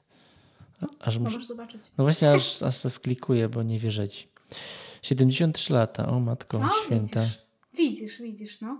Ale widać Ale z tym Disneyem, o masz rację, ja Tak. też na to zwróciłam uwagę, Mhm. kolory, No, okropnie jest. Znaczy, bo wiadomo, jest wielki spór o to, że a tą Arielkę gra czarnoskóra y, No, dziewczyna. nie przeszkadzałoby ale to, mi to w ogóle. ale to w ogóle nie przeszkadza. A ja jeszcze chciałam zauważyć, że ona wręcz jest do tego idealna, bo jej twarz jest taka właśnie bardzo, ja bym powiedziała, rybia, że to jest rybia twarz. I ja, okej. Mhm. to nie jest jakby obelga żadna, ani z tych rzeczy, tylko to jest właśnie taki układ twarzy, które właśnie um, jedna z top modelek y, też taką ma. y, I ona wystąpiła jako syrenka również w Piratach z Karaibów y, w trzeciej części. Mhm. Nie wiem, czy kojarzysz. Nie. Tam jest scena, kiedy podpływa syrena pod łódkę, na której siedzą tam ci słynni piraci. I ona właśnie ma ten sam układ twarzy. To są duże oczy, dosyć szeroko rozstawione, właśnie taki e, krótki e, nos, duże usta. I to jest właśnie taka, e, można powiedzieć, rybia twarz. Mhm. I właśnie ta, ta aktorka ma dokładnie taką twarz, więc moim zdaniem ona doskonale się nadaje do grania syreny. Idealnie pasuje wizualnie, ale to jak okropne są kolory w tym filmie, Tak.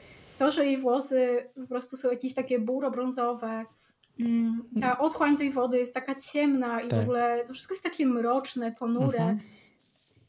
Okropne. Tak, no, tak. Ja też na to zwróciłam uwagę. Tak. Ale może to jest kwestia tego, wiesz, że jakby zostało to wyprodukowane w Indiach na przykład w tanim kosztem. Może, bo tam, no, tam jest spaprana ekspozycja ewidentnie. A jeszcze to, że ta bohaterka, tak jak mówię, w ogóle mi nie przeszkadza, że ona jest czarnoskóra, ale tak źle dobrana ekspozycja jeszcze do czarnoskórej postaci jeszcze jest, no, no pogrąża tą postać jeszcze bardziej w tym mroku, więc no jest, jest naprawdę źle. Polecam trailer Małej Syrenki. Mam wrażenie, że od zawsze było w tych fotograficznych rozmowach wiele sporów o sprzęt. Pewnie też jakby gdzieś cały czas ci to towarzyszy, towarzyszą ci pytania, jaki aparat polecasz i, i czym to jest zrobione i tak dalej, i tak dalej. Od zawsze pamiętam, że patrzyło się na eksify. No dzisiaj żyjemy, jesteś rocznik ten sam co ja, więc dziś żyjemy akurat w czasach, gdy to telefony są wyposażone praktycznie w lepsze aparaty niż te, które zaczynaliśmy, na których zaczynaliśmy nasze przygody. Przynajmniej ja tak pamiętam, że mój aparat pierwszy cyfrowy był dużo gorszy. Mm, Jaką ten sprzęt odgrywa rolę w twojej drodze? W Twojej pracy, w Twoim fotografowaniu? E, Wiesz co? Żadną. tak naprawdę. Ja nie jestem w żaden sposób e, freakiem sprzętowym. E, Sprzęt dla mnie nie ma znaczenia, naprawdę. E, Wystarczy, że zdjęcie ma rozdzielczość, ma ostrość i to tyle. I no, to jest takie niepopularne, prawda, w ogóle w fotografii, bo jednak mam wrażenie, że wielu fotografów żyje dla sprzętu, żeby testować ciągle jakieś nowe rzeczy i żeby mm, wykręcać jakieś super, nie wiem, tutaj ISO takie, a szumy takie i tak dalej, że wow, ale wykręciłem na tym zdjęciu. To mnie akurat w ogóle nie interesuje.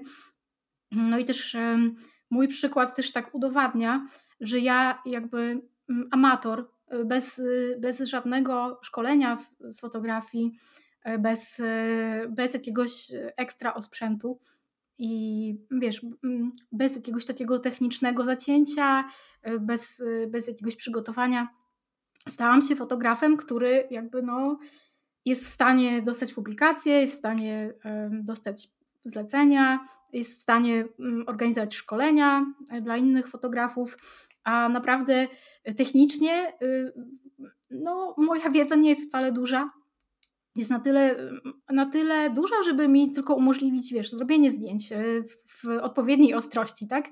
Ale naprawdę e, dla mnie to jest w ogóle wejście na jakiekolwiek forum e, fotograficzne, polecam. Byłam ostatnio na forum Nikona. Ktoś próbował udowodnić, że jego zdjęcia nie są płaskie, a reszta fotografów pisała mu, że są zbyt płaskie. I Jakie to jakieś, są płaskie e, zdjęcia? E, właśnie dobre pytanie. E, oni też próbowali to ustalić, ale przez jakieś 40 stron tej, tej dyskusji cały czas wrzucali zdjęcia, wiesz, jedno obok drugiego, porównując, czy tu jest bardziej płasko, czy tam jest bardziej płasko. Mhm. Analizowali jakieś piksele na tych zdjęciach, w ogóle no kosmos coś, co, wiesz, to jest coś takiego, jak są na przykład audiofile, tak się mhm. mówi o, o, tych osobach, które tak. wyczuwają idealnie dźwięk tak, i tak, się tym no. bardzo pasjonują.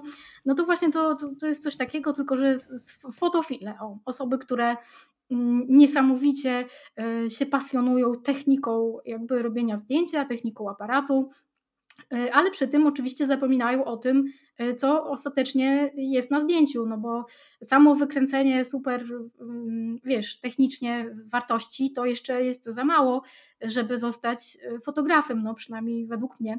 Można być co najwyżej jakimś nie wiem, rzemieślnikiem, może e, rzemieślnikiem fotografii. Więc no. zawsze właśnie też? No, Powiedz, wiesz, no, no, w zasadzie tak samo by było, jeżeli ktoś nagrałby płytę w najlepszym studiu świata, ja bym to słuchał na najlepszym tak. sprzęcie, ale to nie byłaby w ogóle moja muzyka, nie? No właśnie, hmm. więc, y, więc zawsze też to mówię, że e, i to też powiedziała Anne Leibowitz, tak, tak, ona powiedziała to, bo też dostała takie pytanie, oglądałam właśnie jej masterclass, e, dostała pytanie, jak dużą rolę właśnie sprzęt ogrywa w jej, w jej pracy i ona powiedziała, że ona w ogóle jest atechniczna i i jakby ledwo ogarnia. I wszyscy mówili, wow, niemożliwe, to nie może być prawda. No, ale to często, często tak jest, że jakby dla artystów ważne jest po prostu to, żeby mm, skomponować sobie piękną scenę i ją sfotografować, ale już te technikalia y, to po prostu jak doskonałe wykręcą wartości, to jednak schodzi na dalszy plan. No wiesz, ja też właśnie czasem nie rozumiem tej takiej dyskusji. Gdzieś ostatnio była jakaś tam dyskusja o tym, czy jak. Bo ja mam i bez lusterkowca, i lustrzankę jeszcze na dwóch aparatach o. pracuję. I gdzieś tam była dyskusja, że jak podepniesz obiektyw przez adapter, mimo że jest oryginalny, mhm, kanonowski mm -hmm, i tak dalej, mm -hmm. to, że to nie jest tam to samo i tak to dalej. To nie jest to samo. Wiesz, tak. ja myślę, że tak naprawdę nie jestem pewien, czy istnieje jakakolwiek osoba, która zobaczyłaby różnicę jeżeli bym pokazał mhm. dwa zdjęcia z adapterem i bez. No bo jakby co się na tym zdjęciu może różnić, jeżeli używam tego samego obiektywu przy. Bo równie dobrze ta lustrzanka to jest dalej kanon z najwyższej półki. I jakby ten adapter, mhm. co on może mi zmienić takiego, wiesz, jak może być wyczuwalna ta różnica? Że co będę miał ostrzejsze? No jakby wiesz, no to no są właśnie. takie detale jakieś, które dla mnie są tak, no, które są dla mnie tak kompletnie nieistotne, no bo jakby skupiam się na tym, że patrzę na zdjęcie i, znaczy okej, okay, wiadomo, że chcę, żeby było ostre, żeby nie było jakichś dziwnych y, aberracji i tak dalej, dystorsji, nie wiadomo co, ale finalnie y, nie wiem, to zdjęcie ma do mnie coś mówić i coś mi przypominać. Tak traktuję fotografię, że mogę sobie to zdjęcie na przykład powiesić w domu na ścianie, mogę je wywołać w, jakimś, w jakiejś dużej odbice i ono mnie cieszy. A czy ja, ja nawet patrząc na swoje zdjęcia, nie pamiętam, czym to było robione, szczerze mówiąc. Jak mam tutaj przed sobą nawet zdjęcia nad moim biurkiem, które wiszą, to nie potrafię powiedzieć, czy to było lustrzanką, czy bez lusterkowcem zrobione, czy ja tu miałem jakiś adapter. Mam zdjęcia, wiesz, takie starsze, że nawet nie pamiętam, jakim obiektywem to robiłem. Czy to była Elka jakaś tej wyższej półki, czy nie. Równie dobrze mógłbym mieć to zdjęcie, które wisi, które było zrobione telefonem, ale które mi się po prostu podoba, które na mnie działa i ktoś przyjdzie i powie, jej, jakie piękne zdjęcie zrobiłeś. I, nie rozumiem tej dyskusji trochę. Znaczy nie, po prostu w niej nie uczestniczę. No, jeżeli ktoś czuje z tego przyjemność, to nie mam oczywiście nic przeciwko temu. Natomiast nie potrafię, nie potrafię zrozumieć takiego marnowania czasu na to, nie? A, super, cieszę się, że się tutaj zgadzamy, bo wiele osób się z nami nie zgadza i te no, osoby tak, okay. są dostępne na forach i grupach fotograficznych w bardzo dużej ilości. Jeśli macie czas, polecam wybrać dowolny wątek na na przykład forum Nikona dowolny wątek na jakiejkolwiek grupie fotograficznej, hmm. co tam się dzieje, co tam się dzieje. Właśnie podejrzewam, że, że twój, twój wątek o tym, że obiektyw jest przez adapter podpięty, tak. to by wywołał lawinę po prostu komentarzy, gdzie... Może spróbuję, właśnie, to ciekawe. Y, na pewno są już takie wątki. No. Na pewno są już takie wątki, no, że oni tam dostrzegają gigantyczne różnice, które są, wiesz, y, po prostu nie do zaakceptowania, ale zapominają o, o tym, jakie jest finalnie, co jest na zdjęciu, które fotografują.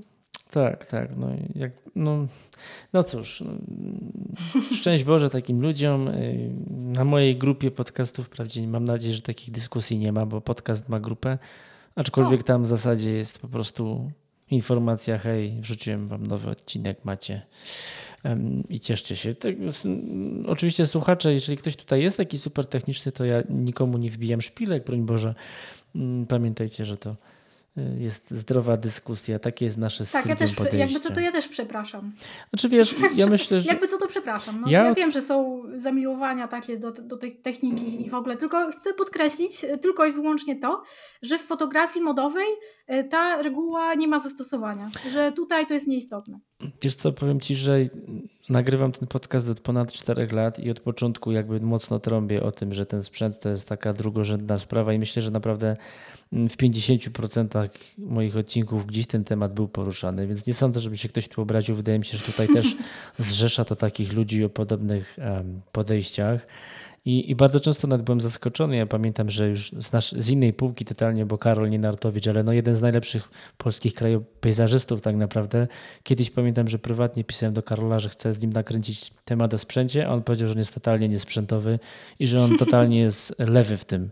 I to wiesz, po, po kolejny raz gość, który ma perfekcyjnie techniczne zdjęcia w zasadzie. Wow, a to mnie zaskoczyło. No tak, on powiedział, że on ze sprzętu to nie, bo to jest dla niego totalnie temat że to jest dla niego zmora. O, tak powiedział mi Karol, że sprzęt to, to zmora. To jest zaskakujące. No, no. Bo na przykład, wiesz, jak mamy na przykład fotografię ptaków, nie? Tak, tak. No to ja tam rozumiem w stu procentach, że właśnie liczy się technika i w zasadzie tylko technika, no bo no tak. okej, okay, masz już tego ptaka, i masz y, nanosekundy, żeby mu zrobić zdjęcie, nie? Bo to zaraz prawda. gdzieś tam odleci. Więc, więc twoja technika to jest twoje zdjęcie na dobrą sprawę. Nie, nie kreujesz kompozycji za bardzo, nie ustawiasz ptaka pod dobrym kątem, nie dobierasz mu kolorów tła i tak dalej. Mhm. Po prostu musisz wykorzystać króciutki e, po prostu wycinek czasu, żeby, żeby to zdjęcie ustrzelić, nie? Tak. Więc jakby tutaj spoko, nie? Rozumiem. Ale wiesz, w fotografii modowej tego nie ma. W fotografii modowej jest wręcz odwrotnie. Są sesje robione telefonem. Jest słynny mhm. fotograf Jurgen Teller, e, który zrobił okładkową e, sesję dla polskiego Woga, tę pierwszą, e, mhm. tę, sesję z czarną Wogą pod Pałacem Kultury. On robi zdjęcia telefonem, I fakt, y, jego sesja dla polskiego Woga mi osobiście się nie podobała, ale ma też inne pro, e, projekty, ma inne sesje, ma na przykład przepiękną sesję w Wogu paryskim, e, robioną właśnie też w całości telefonem i ona jest wybitna i te zdjęcia są zapamiętywalne po prostu tak, że każdy, każdy fotograf modowy wie, co to za sesja. Więc on udowadnia, że y, sprzęt nie ma żadnego znaczenia, no bo tam, tam po prostu są tylko i wyłącznie ustrzelone momenty z modelką. Y, nie ma żadnej, wiesz, tutaj zabawy, zabawy tutaj jakimś, nie wiem, że plan pierwszy taki, plan drugi taki, jakieś, wiesz, techniczne ciekawostki, nic z tych rzeczy, po prostu to jest modelka uchwycona w różnych momentach e, podczas chodzenia po mieście, po ulicach Paryża. I, I te zdjęcia są tak, e, one mają takie kompozycje, że po prostu wyglądają jak obrazy. I, I technika wykonania tych zdjęć nie ma żadnego znaczenia. Ta fotografia modowa, którą e, ogólnie my możemy mieć jeszcze w pamięci, że to są takie zdjęcia, na których jest e, super modelka sfotografowana najlepiej od dołu, żeby wyglądała na jeszcze wyższą i ma mocny makijaż i ma jakąś super e, niesamowitą sukienkę i to zdjęcie jest takie ostre, mocne, duży kontrast, że to są takie to już odchodzi. Już odchodzi to przez dłuższy czas, że zmienia się ta estetyka, że w, zdecydowanie w ciągu ostatnich lat e, na topie są zdjęcia, które są bardziej naturalne, e, które mają jakiś nastrój, jakiś klimat. E, zmieniły się też trendy zupełnie, jeśli chodzi o wizaż na, na sesjach, zmieniły się trendy makijażowe są teraz zdecydowanie bardziej naturalne. E, nie robi się już tak jak kiedyś, że robimy, nie wiem, modelce wielkie włosy, mocny właśnie makijaż i tak dalej, że to wszystko jest takie bardzo ostre. To się bardzo zmieniło. Najlepszym na to dowodem jest chyba to, co się dzieje w polskim Wogu, którego piecze trzyma Ina Lekiewicz, wybitna fotografka, która właśnie no, ma swój niesamowity styl, który jest bardzo naturalny. Ja nie wiem, czy w ogóle na dobrą sprawę, czy jakakolwiek modelka na jej sesji była kiedykolwiek pomalowana, bo mam wrażenie, że one są wszystkie tak sote zupełnie. Dużo zdjęć e, robi właśnie też na kliszy, więc e, te trendy się zmieniły i co za tym idzie, sprzęt właśnie przestał być aż tak istotny, bo skoro wszedł z powrotem ten trend na naturalność, na to, żeby zdjęcia przede wszystkim nadrabiały jakąś atmosferą, to jakby całe te techniczne tło przestało być już takie ważne. Więc wiadomo, fajnie mieć dobry sprzęt, żeby nie tracić na przykład jakichś klatek przez to, że na przykład będą nieostre albo za ciemne, albo że aparat sobie nie poradzi przy, małym, przy słabym świetle i tak dalej. Ale generalnie nie trzeba by w ogóle się znać na e, wiesz, technikaliach foto, żeby żeby robić fotografię modową, wystarczą podstawy. No tak, to prawda. Oczywiście ten sprzęt rzeczywiście czasem odgrywa rolę, tak jak dałaś już przykład tej fotografii ptaków, no to telefonem będzie ciężko, chociaż wiem, że Samsung hmm. zrobił tam jakieś chore optyczne zoomy, jakieś hardkorowe, natomiast no tak, to, to, to, to nie będzie tak łatwo. No są po prostu momenty, gdzie on się gdzieś tam przydaje, natomiast mi nie chodzi o to, że jakby ten sprzęt nie gra roli, że że w ogóle możemy byle czym fotografować, tylko bardziej mi po prostu mhm. chodzi, żeby tak, że nie jest aż tak istotne, żeby, żeby w ogóle działać, bo niektórzy zanim w ogóle zrobią jedno dobre zdjęcie, to muszą nakupić nie wiadomo czego, tak. bo wydaje mi się, że im to jest aż tak zależne, a podczas gdy mm, no, no, obserwacja światła jest dużo bardziej istotniejsza niż to, czym to światło zarejestrujemy. Tak sobie myślę, że Dokładnie. pewnie fotografia fashion dziś często jest wykonywana w miejscach publicznych. Zresztą nawet widziałem gdzieś tam u ciebie tak. na zdjęciach. Mm, to czy tobie ta niechciana widownia pomaga czy przeszkadza? E, wiesz co? Zależy od miasta. W Polsce się fotografuje bardzo dobrze, bo ludzie na ulicy, wiesz, e, rzadko zaczepiają, są raczej tacy, no wiesz jak to w Polsce, nie? Mhm. Że mało kto tam do kogo, nie wiem, podchodzi do obcej osoby i coś tam do niej gada, ale na przykład w Nowym Jorku e, to, czy na przykład w Londynie, jak robiłam zdjęcia, to tam po prostu ludzie widzą aparat to ludzie podchodzą, ludzie chcą zdjęcie z modelką, mhm. ludzie zagadują, ludzie wyciągają swoje nagle aparaty i robią zdjęcia twojej modelce albo telefony. Ludzie zadają pytania, ludzie proszą cię o różne rzeczy i nagle jesteś atrakcją y, na ulicy. Y, I tak było właśnie, y, w sumie tak było wszędzie za granicą, gdzie byłam.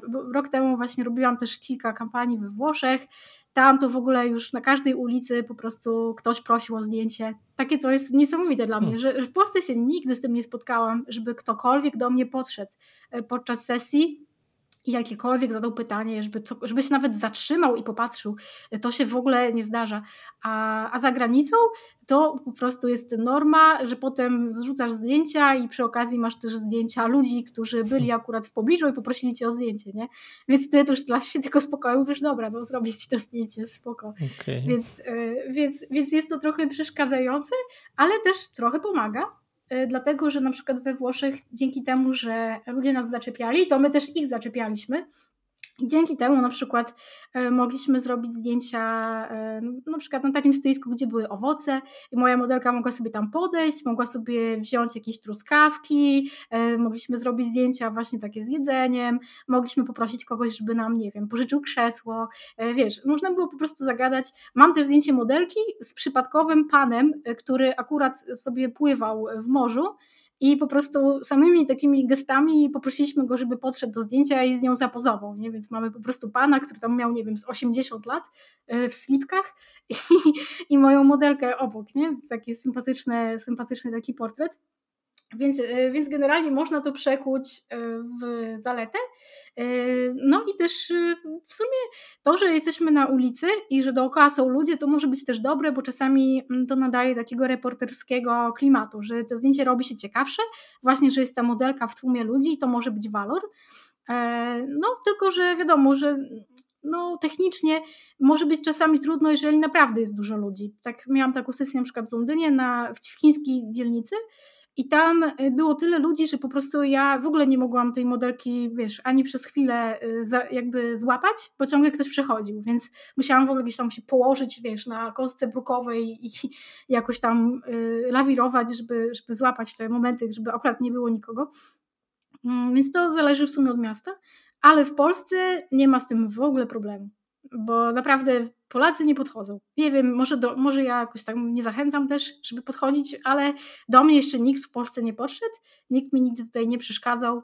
Aha, jeszcze tu mi się przypomniała anegdota, jak właśnie e, podczas tej sesji na Coney Island, w tej mojej pierwszej sesji w Nowym Jorku, e, zamarzyło mi się takie zdjęcie, żeby modelka miała napój w rękach i żeby sobie tam popijała, żeby to było takie właśnie, no niby, że niby takie złapane y, zdjęcie spontanicznie, bo moja koleżanka, wtedy, która tam ze mną była, musiała podejść do obcych ludzi i poprosić, żeby oddali jej swoje picie. Tak, które akurat sobie trzymali, bo tam sobie kupili, wiesz, w jakimś takim e, w sklepie e, jakiś taki, wiesz, kubek i tam była słomka, takie kolorowe napisy i oni dosłownie myśleli, że ona jest bezdomna i prosi ich o, o to, żeby jej oddali po prostu, wiesz, swoje zakupy.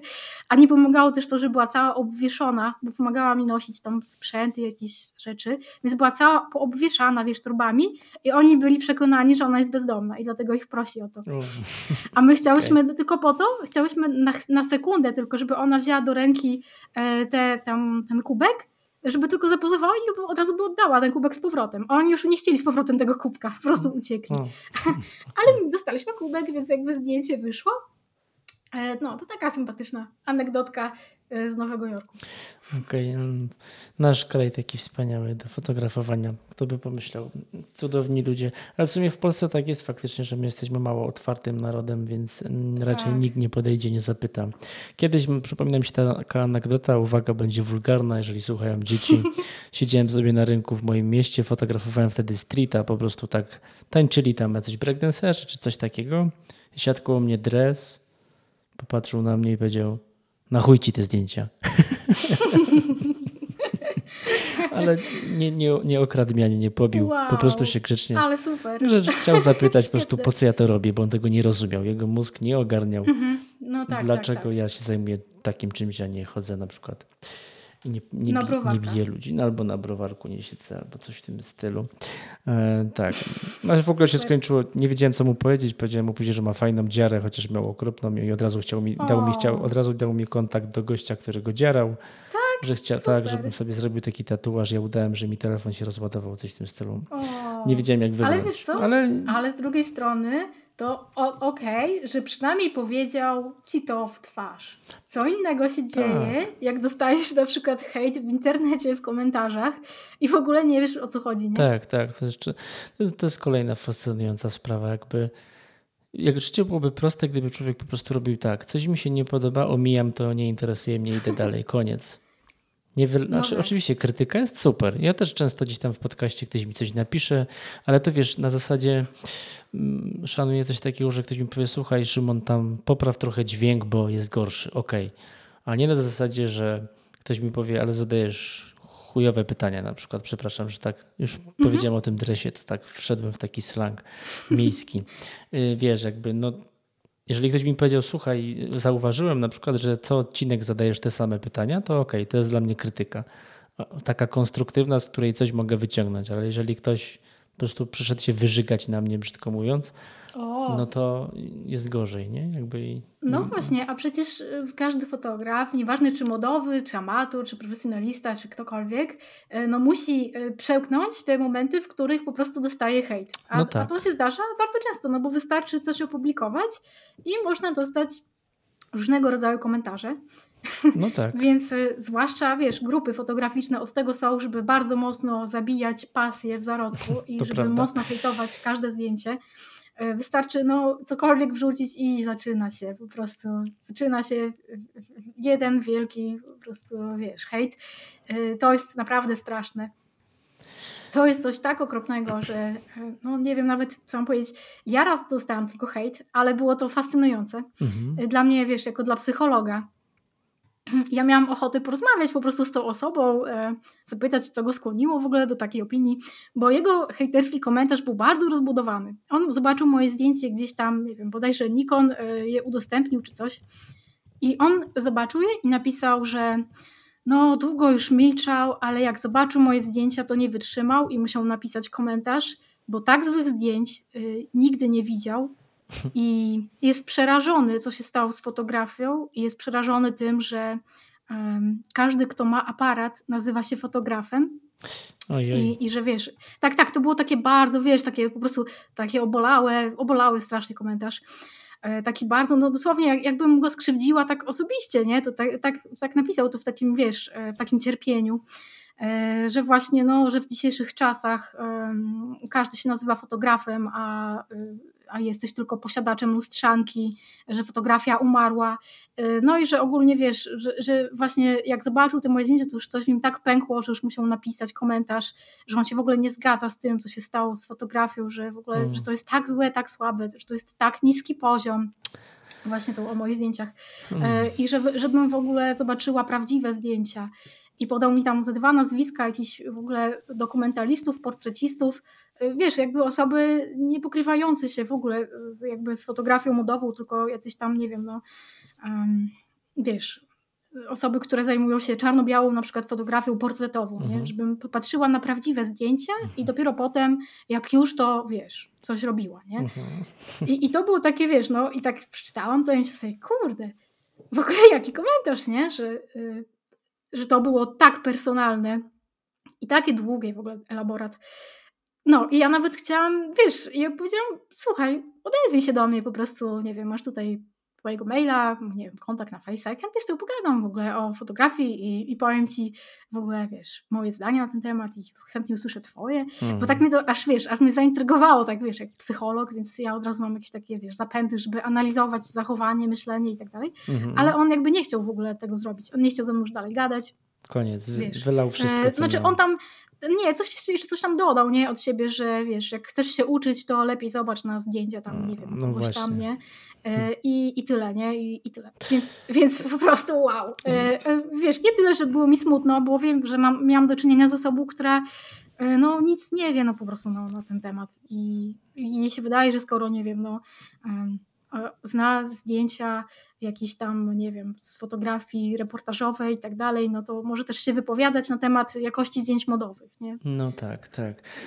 Ja właśnie na grupie ostatnio swojej gdzieś tam zapytałem, Jezu, nie pamiętam o czym zapytałem, o czym. Aha, chyba tam było ogólnie pytanie. To był chyba odcinek QA, więc poprosiłem ludzi o pytania, czego chcieliby więcej, czy, czy coś takiego.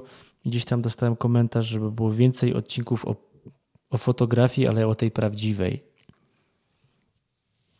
E, więc wiesz, nie wiem, czy, czy, czy, czy, ten, czy ty mnie znowu nie słyszysz, czy słyszysz mnie? Słyszysz, tak? O nie, znowu. Teraz słyszę. No. Słyszysz mnie znowu, okej. Okay. Gdzie, cię tam, Wyciło, no. tam wycięło? W pół słowa dosłownie. E, no, wiesz co, że dostałem komentarz na swojej grupie fotograficznej, żeby było więcej odcinków o tej fotografii, ale o tej prawdziwej fotografii. I to było tyle. I nie wiem, co to jest ta prawdziwa fotografia do dzisiaj. No to wiesz co, to na pewno nie moja, no więc nie. zła wiadomość dla ciebie i dla tych osób. Znaczy, właśnie sądzę chyba, że chodziło tutaj o tą niesamowicie czystą fotografię analogową która jest jedyną prawilną fotografią. No, ale też reportaż, wiesz, chłopiec z bagietką. Może, może. No ja, ja muszę rozczarować wszystkich moich słuchaczy, że ja nigdy w ręce analoga nie miałem, nie zrobiłem ani jednego zdjęcia analogowego. Jestem totalnie cyfrobojem i bardzo mi z tym jest dobrze, szczerze mówiąc, naprawdę i no, oczywiście szanuję fotografów analogowych i mnóstwo ich w moim podcaście było i jakby jakby ja szanuję każdy rodzaj fotografii, jakby nie rozumiem, co to jest ta prawdziwa fotografia, nie, nie kumam tego, ja jakby nie wiem. No, no nie rozumiem tej wojny. I druga sprawa, powiem ci, jaka mi się przypomniała. Dzisiaj wiem, że na y, kanonie był live z Agatą Serż, na pewno kojarzysz, no. Tak o, tak. oczywiście. Tak. No właśnie, i był tam, powiem, i zanim w ogóle ta rozmowa się zaczęła, bo oni zapowiadali tę rozmowę chyba już wczoraj, to widziałem jeden komentarz, który przykuł moją uwagę, gdzie ktoś napisał, z profesjonalistami powinien rozmawiać też profesjonalista. Wiesz, zanim w ogóle usłyszał tego człowieka, może go usłyszał gdzieś w innym wywiadzie, tam prowadzi taki. Ale to, to było wiem, odnośnie y, osoby, która z Agatą, tak? Tak, prowadziła. osoby, która mhm. będzie prowadzić z Agatą. No i jakby nie znam tego pana, nie znam jako fotografa, nie wiem, nie, ale jakby jak można ocenić, zanim w ogóle ta rozmowa się odbyła, już jest komentarz, wiesz, że że to kto powinien być zatem tym profesjonalistą? Kto, powinien, kto jest godny przeprowadzić wywiad z Agatą? Najlepsze jest to, że ja z Agatą nie wiem, czy byłem godny, ale my już byliśmy na łączach, ale nie mogliśmy się połączyć i nie doszło do rozmowy. Nie, nie udało nam się nagrać, nagrać do dzisiaj.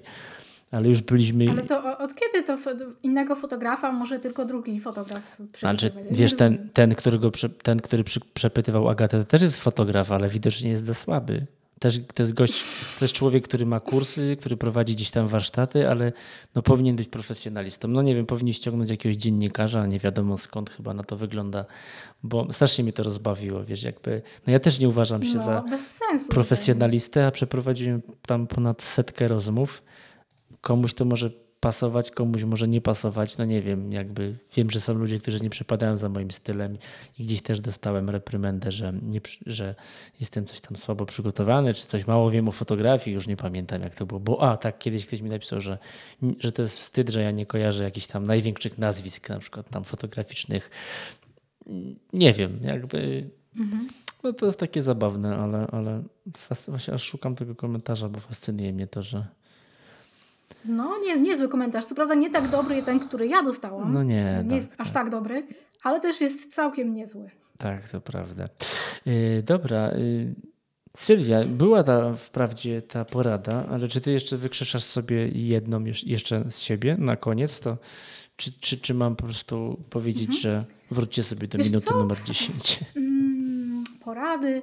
Y, jakie mam dla fotografów, znaczy dla osób, które chciałyby się zająć, tak? Fotografią modową. Tak, tak. No, Czy w ogóle dla ludzi takie ogólne? Możesz taką i taką, możesz ogólną, wedle, wedle uznania. Świetne.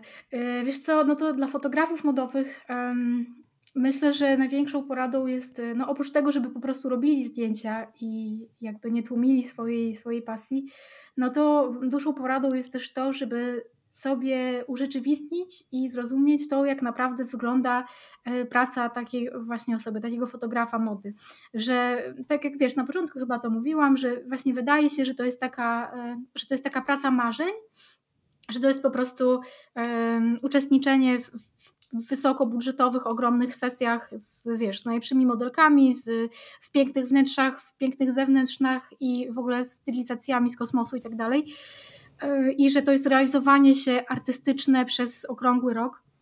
No i właśnie trzeba niestety sobie zdać sprawę, że to tak nie wygląda i że tak są możliwości, żeby robić piękne sesje, żeby wykonywać artystyczne projekty, ale podstawą jednak pracy fotografa y, będzie no jakby powiedzieć rzemiosło po prostu, że jeżeli chcemy na przykład utrzymywać się tylko z fotografii modowej, no to musimy być otwarci na y, jakby wszystkie jej rodzaje, tak, że będziemy robić też zdjęcia lookbookowe, zdjęcia e-commerce, y, dresy fotografować, wiesz, po prostu wszystko, co tylko jest związane z, z sprzedażą y, mody. I właśnie no, niekoniecznie będzie to tak wyglądało, że będziemy mieć wiesz, cały kalendarz zabukowany tylko i wyłącznie pięknymi sesjami, tak? które nam się osobiście podobają, które są super wiesz, dofinansowane. E, tutaj też działa bardzo mocno mm, mm, to, wiesz, jak rynek funkcjonuje, nie? że na przykład w tym momencie e, nie ma duży, dużych budżetów e, w ogóle w fotografii modowej w Polsce. Na świecie być może też, z uwagi na to, jak, jak duża jest inflacja i z uwagi na to, że na przykład hmm, Firmom zostały podniesione ZUSy bardzo mocno. Mhm. E, wiesz, koszty działalności się podwyższyły. No, tak. Dużo firm e, właśnie e, na świecie możliwe, że też, ale ja mogę teraz o Polsce powiedzieć, że dużo marek odzieżowych, nawet, nawet jak się nam wydaje, że to jest duża marka, bo na przykład ich ubrania są do kupienia w najbardziej prestiżowych jakichś tam butikach, że, że jakby no, wyglądają z, tak z zewnątrz na jakiś taki bardzo dofinansowany projekt, że tam, nie wiem, na pewno jest duża kasa i, i tak dalej. Ale tak naprawdę w większości przypadków nie. To, to po prostu często są projekty realizowane y, głównie jakby jako taki passion project, czyli jakiś, jakiś taki projekt właśnie z pasji. Ktoś zakłada markę, udaje się z tą marką gdzieś tam dostać i trzyma jakość i poziom zdjęć, ale w dużej mierze na przykład no, rozliczenia są takie, że to niekoniecznie, wiesz, e, są to takie budżety, o jakich to taki fotograf by marzył, że je dostanie tam. E, w, w Polsce po prostu nie ma takiego też rynku, żeby, mm, wiesz, niesamowicie zarabiać na, na kampaniach, tak? Mamy tutaj, ja na przykład y, kojarzę marek odzieżowych takiego średniej wielkości, nie mówię o markach typu Reserved, Mojito i tak dalej polskich, czy CCC, tylko takich średniej wielkości markach, ja kojarzę ich e, około 100, 100 takich autorskich marek odzieżowych średniej wielkości, e, no i właśnie pomyślmy teraz o tym, że no, mamy 100 marek, 100 potencjalnych klientów, a fotografów jest y, modowych więcej niż 100 oczywiście. No i wiadomo, że do takiej jednej firmy uderza przynajmniej kilku fotografów i przysyła swoją ofertę i ma jakieś tam swoje propozycje. Więc musimy być po prostu przygotowani, opancerzeni wręcz e, na to, że nie zawsze uda nam się strzelić dużo takich projektów, o, o, których my marzymy, że nie dość, że zrealizujemy piękną sesję, to jeszcze dostaniemy za to e, fajną kasę i w ogóle będziemy, wiesz, super zadowoleni, nie? No, że to jednak trzeba zdać sobie sprawę, nie? że tak, są, są takie sesje, ale to nie jest e, przewaga mm, i po prostu trzeba się nastawić, że no, na fotografii modowej często zarabia się też jakby, wiesz, poza tymi pięknymi kampaniami, tak, że to są bardziej właśnie sesje pod sklepy e-commerce, jakieś tam, nie wiem, e, ślub, ślubne sesje, że na przykład właśnie suknie ślubne, e, no i no, trzeba to wiedzieć, bo z zewnątrz może się wydawać, wiesz, że to będzie po prostu ciąg e, przepięknych sesji, wiesz, jak, jak z okładek, ale niekoniecznie tak jest, po prostu nawet chociażby ze względu na to, wiesz, jak ten rynek wygląda, tutaj w Polsce. Więc to trzeba wiedzieć. Trzeba też zrozumieć właśnie tą specyfikę. Trzeba zrozumieć to, że będziemy się spotykać z odrzuceniem e, wielokrotnie.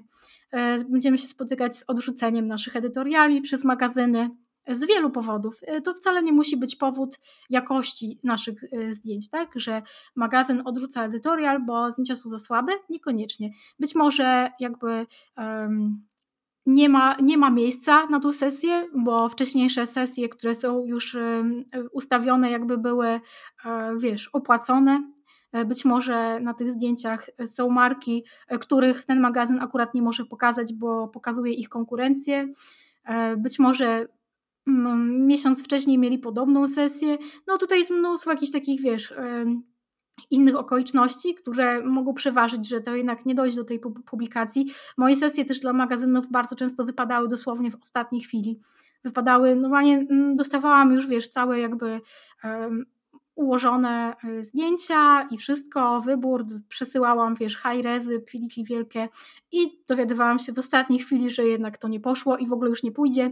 W następnym numerze też już nie może pójść, bo tutaj, wiesz, już nowy sezon się zaczyna, już nie można pokazywać z zeszłego sezonu ciuchów, więc trzeba być na to bardzo przygotowanym, bo też, wiesz, często tak jest, że jak się jest w tej fotografii modowej, że mm, jak dostajemy cały czas jakieś odrzucenie, e, bo na przykład nie możemy dostać jakiejś dobrej publikacji, albo na przykład nie możemy dostać jakiejś fajnej kampanii, no to nam się wydaje, że jesteśmy do, do niczego po prostu, tak? Że, że to nie ma sensu i w ogóle, że nie robimy w ogóle dobrych zdjęć i że jakby jesteśmy kiepscy po, po prostu jako fotografowie, ale niekoniecznie właśnie tak jest, bo wiesz, no jest tyle zależności, że tak naprawdę portfolio często jest drugorzędne tak naprawdę, nie? Że o, o tym, kto na przykład dostanie zlecenie na kampanię, kto dostanie publikację w magazynie, potrafił zadecydować y, inne rzeczy po prostu niż, niż jakby twoja jakość jako fotografa, nie? Więc, więc to niestety trzeba y, zrozumieć.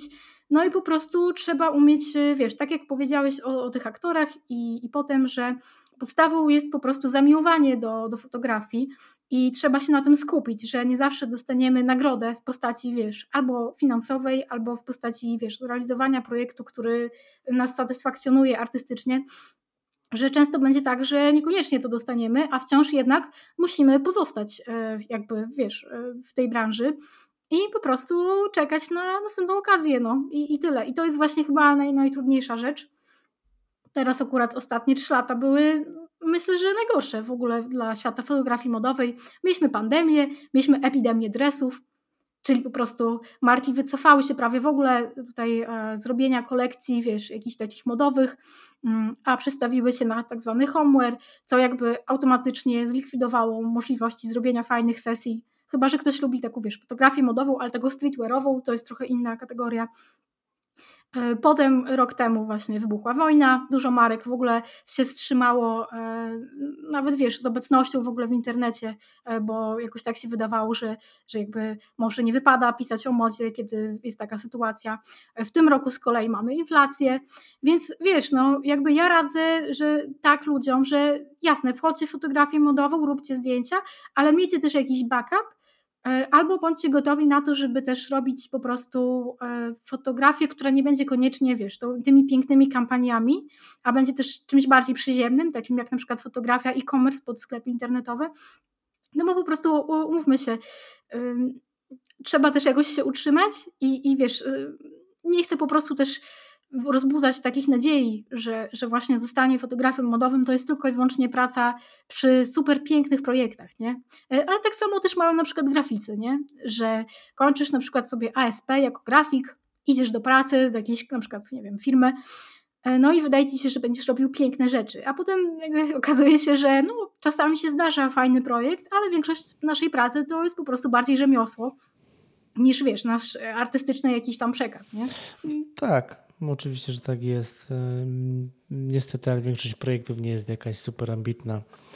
E, w przypadku pracy grafika, no tak, często tam się wydaje, że takie usłane życie kolorowe, jak na przykład obserwujemy kogoś, to też nam się wydaje, że on to tylko jakieś świetne projekty robi, a tak naprawdę często jest tak, że po prostu te tylko świetne projekty są publikowane, a te, które nie były fajne, są po prostu chowane gdzieś do szuflady i robione dla klienta i tyle. Taka no jest szara rzeczywistość. Sylwia Kiertowicz była gościem. Jak zwykle nie pamiętam, który to jest y, numer odcinka, proszę mi wybaczyć, ale jestem już. Ja jestem po 30, jest po 21, a ja już mam odcinków ponad setka, trzy razy nie, więc nie pamiętam. Natomiast wielki szacunek dla Sylwii, bo jest świeżo po zapaleniu krtani i dawała sobie radę, chociaż słyszę, że pod koniec już twój głos jest trochę słabszy niż na A, początku. troszkę tak się zmniejszył, zmniejszył się trochę. Tak, tak, prawda, więc trzeba mu będzie dać wypocząć. Więc dzięki ci serdecznie. E, no i powodzenia w tych trudnych czasach, w tej drodze fotografa fashion. Dziękuję, było bardzo miło. E, no i wiadomo, ja jestem jak karaluch, przetrwam wszystko. I, i, I takim trzeba być właśnie w fotografii modowej. Trzeba być takim karaluchem z twardym pancerzem, który po prostu robi swoje i jak mu przez jakiś czas coś nie wychodzi, to przeczeka i w lepszych czasach jakby wiesz, robi swoje, nie?